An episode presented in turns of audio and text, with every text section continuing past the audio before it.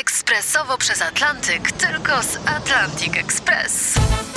Z nami wyślesz co chcesz, kiedy chcesz, do kogo chcesz i to o 40% taniej. W Atlantic Express wysyłamy wszystko. 1 800 775 7363. Mienie przesiedleńcze, kontenery, paczki do Europy.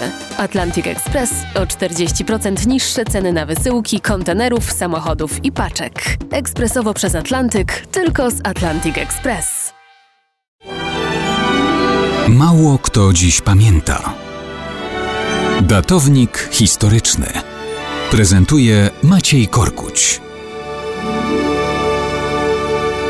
Kto dziś pamięta, że w weekend minęła rocznica utworzenia przez Niemców w generalnym gubernatorstwie granatowej policji, czyli formalnie Polnische Polizei im Generalgouvernement. Krąży wiele mitów na jej temat. W sensie instytucjonalnym była to nowa formacja stworzona przez Niemców dla realizacji ich własnych celów w generalnym gubernatorstwie, czyli w wydzielonej części tzw. Tak wielkoniemieckiej Rzeszy. Polnische Polizei była częścią niemieckiej Ordnungspolizei, czyli policji porządkowej. Wcielano do niej na zasadzie przymusu Polaków, byłych policjantów z przedwojennej Polski. Z czasem dołożono też ochotników bez stażu policyjnego wcześniej. Niemcy włączyli też do granatowej policji pewną ilość Ukraińców, szczególnie wykorzystywanych do służby na wschodzie GG. Wykorzystano przedwojenne sorty granatowych mundurów. Dla Niemców było to użyteczne. Z jednej strony oszczędność, z drugiej kolorem munduru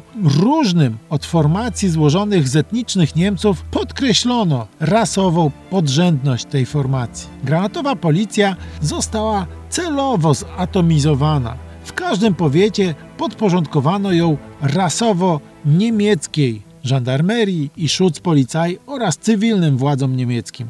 Granatowych policjantów wykorzystywano do działań przeciwko współobywatelom, więc uczestniczyli oni w zbrodniach przeciw Żydom i Polakom. Brali udział w akcjach zbrojnych przeciw partyzantom, uczestniczyli w łapankach, stali się postrachem dla ludzi próbujących przetrwać, zajmując się chociażby handlem wbrew niemieckim przepisom. Tylko część z nich stanowili policjanci, którzy tylko formalnie nosili granatowe mundury, a w rzeczywistości służyli w Armii Krajowej, działając przeciwko Rzeszy. Pewną część stanowili funkcjonariusze, którzy chcieli przetrwać, starając się nie angażować specjalnie przeciwko polskiemu społeczeństwu. Natomiast najbardziej widoczni byli gorliwcy, którzy posłuszeństwem i uniżonością wobec Niemców chcieli sobie zaskarbić życzliwość tych niemieckich zwierzchników. Stąd nie jest przypadkiem, że policja granatowa stała się obiektem